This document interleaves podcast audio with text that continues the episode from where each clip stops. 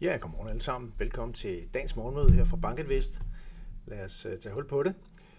En øh, pæn dag i går på de store indeks på aktiemarkedet. Vi har både S&P 500 og Stock 600 op med omkring en 0,7 procents øh, penge.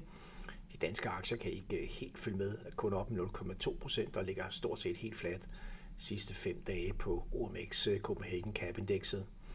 Zoomer vi lidt ind på de amerikanske sektorer, så har vi stadigvæk et billede af, at, øh, at de her sådan, højtflyvende tech-aktier ikke helt kan følge med. Øh, I de seneste dage i hvert fald, hvis vi går tilbage de sidste fem dage, så har vi faktisk en IT-sektor i USA, som er nede med 0,3 procent. Vi har communications nede med 0,5 procent, mens vi omvendt har mere klassiske cykliske sektorer i klare plusser energi er op med 5,1 procent, industrials med 2,8 og materialer med 1,9 procent. Så der er i hvert fald her i de korte perspektiv en vis øh, sektorrotation til ugunst for, for de her øh, tech-selskaber, som i den grad dominerer både IT og communications-sektorerne. Big Tech er faldet lidt for flere af de store navne igennem de seneste par dage. Men det er altså vel at mærke efter nogle fænomenale kursstigninger herover til dato. Samlet set så ligger vi med et globalt aktieafkast på øh, ja, lige omkring 10% målt i danske kroner år til dato, og det må sige at være rigtig pænt. Vi har lige været op og snuse til, til 12%, så vi har haft sådan en, en mini-korrektion, og nu må vi jo se, hvad de kommende uger kommer til at byde på.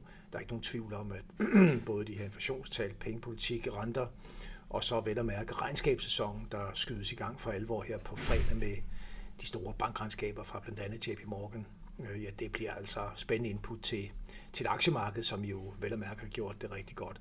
Vi har et amerikansk S&P-indeks, som er op med næsten 16 procent nu. og Det er, ligger meget tæt på årets øh, højeste i øjeblikket. Og apropos regnskabssæson, så, øh, så har vi, når det gælder de amerikanske aktier, S&P 500, indtjeningsforventningerne, så har vi set en bemærkelsesværdig stabilitet i de her indtjeningsforventninger igennem flere måneder. Vi så jo, hvis vi bare zoomer ind på forventningerne til indtjeningen i 2024, så så vi et klart fald fra ja, efteråret 22, hvor vi var helt op på næsten 270 dollar i forventet indtjening i 24 per aktie. Øh, så så vi et klart fald øh, frem til, øh, til foråret her 23, og så har vi egentlig set en stabilisering på omkring en 240 dollar i forventet indtjening til næste år, og den samme tendens har gjort sig gældende i forventningerne til årets indtjening, som senest ligger på 218 dollar. Får de her kære analytikere ret i deres indtjeningsforventninger, meget kan ske, vel at mærke, så er der altså lagt op til en forventet stigning i indtjeningen per aktie til næste år på 10% relativt til 2023.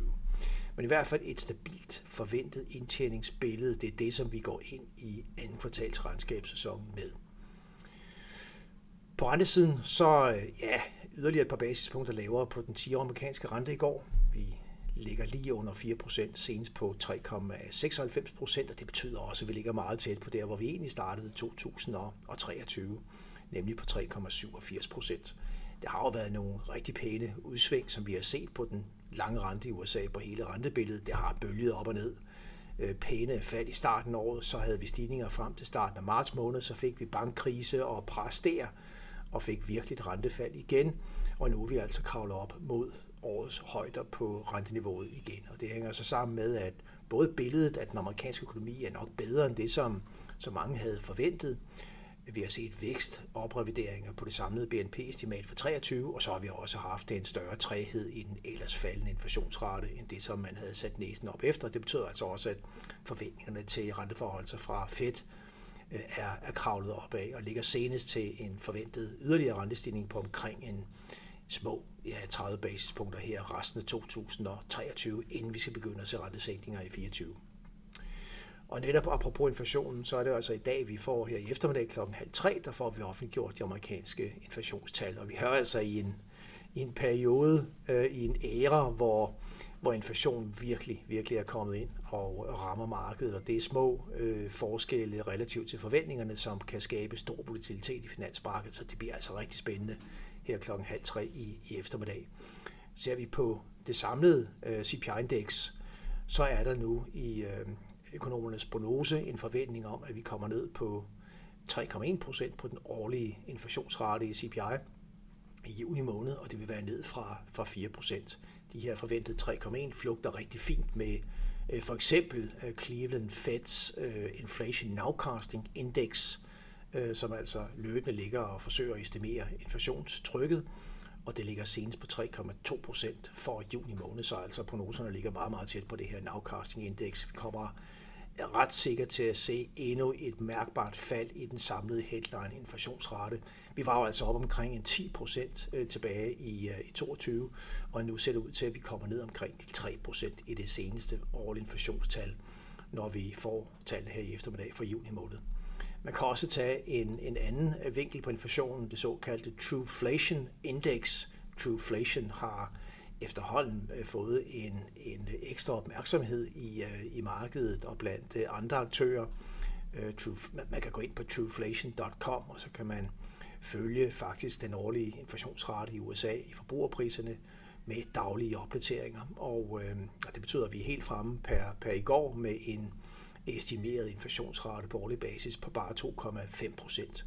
Går man tilbage til juni, så lå inflationsraten målt via Trueflation Øh, på omkring de 3%, som analytikerne nu prognostiserer. Så det er en form for realtidsindikator for øh, trenden i inflationsraten. Øhm, og øh, hvordan Trueflation lige præcis gør det, det er, det er nok en længere historie, men det er klart, at de går ud og måler en masse øh, Øh, realtidsprispunkter, øh, øh, blandt andet via al den information, man finder på, på nettet, og så estimerer de så inflationsraten på den baggrund. Så altså 2,5 procent er vi nede på, hvis man kigger på de allerseneste estimater fra Trueflation.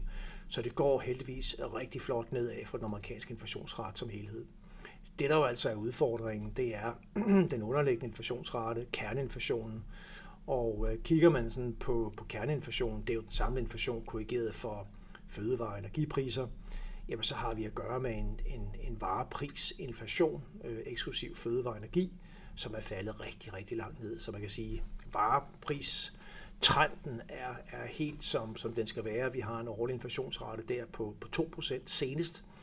Det er øh, servicesektorinflationen, serviceprisinflationen, som virkelig er udfordringen for ikke bare øh, USA, men også for øh, mange andre lande, hvor vi ser vedvarende for høje inflationsrater i forhold til centralbankernes målsætninger.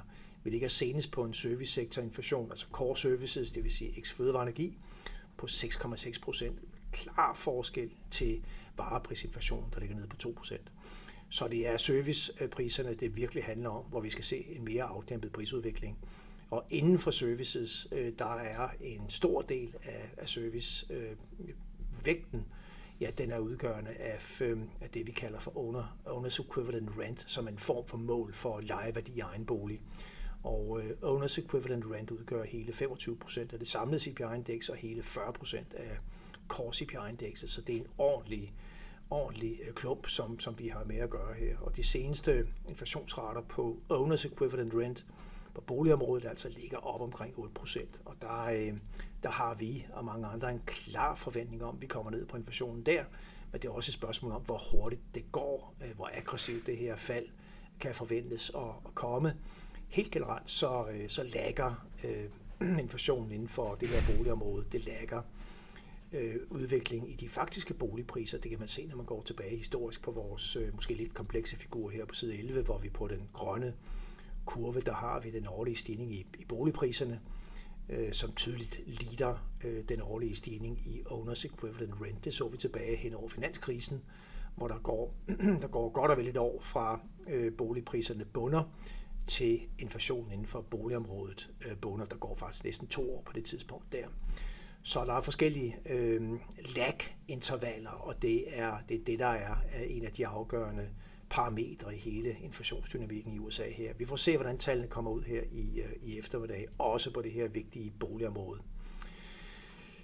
Et øh, andet interessant øh, datapunkt, som vi fik i, i går, det var øh, surveyet for de øh, små og mellemstore amerikanske virksomheder, NFIB Small Business Optimism, og øh, det ligger generelt på et lavt niveau, men vi har faktisk set de sidste par måneder, at øh, stemningen er bedre en smule.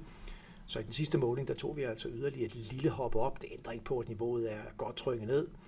Men, øh, men vi, vi er muligvis vidne til en form for stabilisering i den her ellers vigende optimisme blandt de små og mellemstore amerikanske virksomheder. Og der er, når man går ned og kigger på, på underkomponenterne, så er der altså lidt, øh, lidt positive tendenser i, øh, i nogle af de her sådan, øh, delindeks, blandt andet forretningsmulighederne, der tigger lidt op. Og der er vel at mærke også et, øh, et vedvarende lille øh, pres nedad på, på hele pris- og, og lønområdet, så, så det tigger marginalt i den rigtige retning. Her til morgen der har vi øh, igen lidt grønt på i hvert fald de vestlige aktiefutures. Vi er op med 0,1% på S&P 500 futures, og vi er op med omkring 0,4% på DAX Futures. Shanghai ligger og svinger lidt ned med 0,4%. Dog ser vi Kina Tech-aktier øh, stige noget. Vi har Hang Seng Tech-indekset op med 1,6%. Så har vi en rimelig stabil amerikansk rente på 3,96. Vi får inflationstal i eftermiddag. Og så har vi altså også her på fredag startskud til Q2-regnskabssæson med JP Morgan, Wells Fargo og øh, Citigroup og andre selskaber, der begynder at komme med regnskaber der. Så nok at tage fat på, og en rigtig spændende dag i dag. I må have en god dag. Vi er tilbage i morgen tidlig.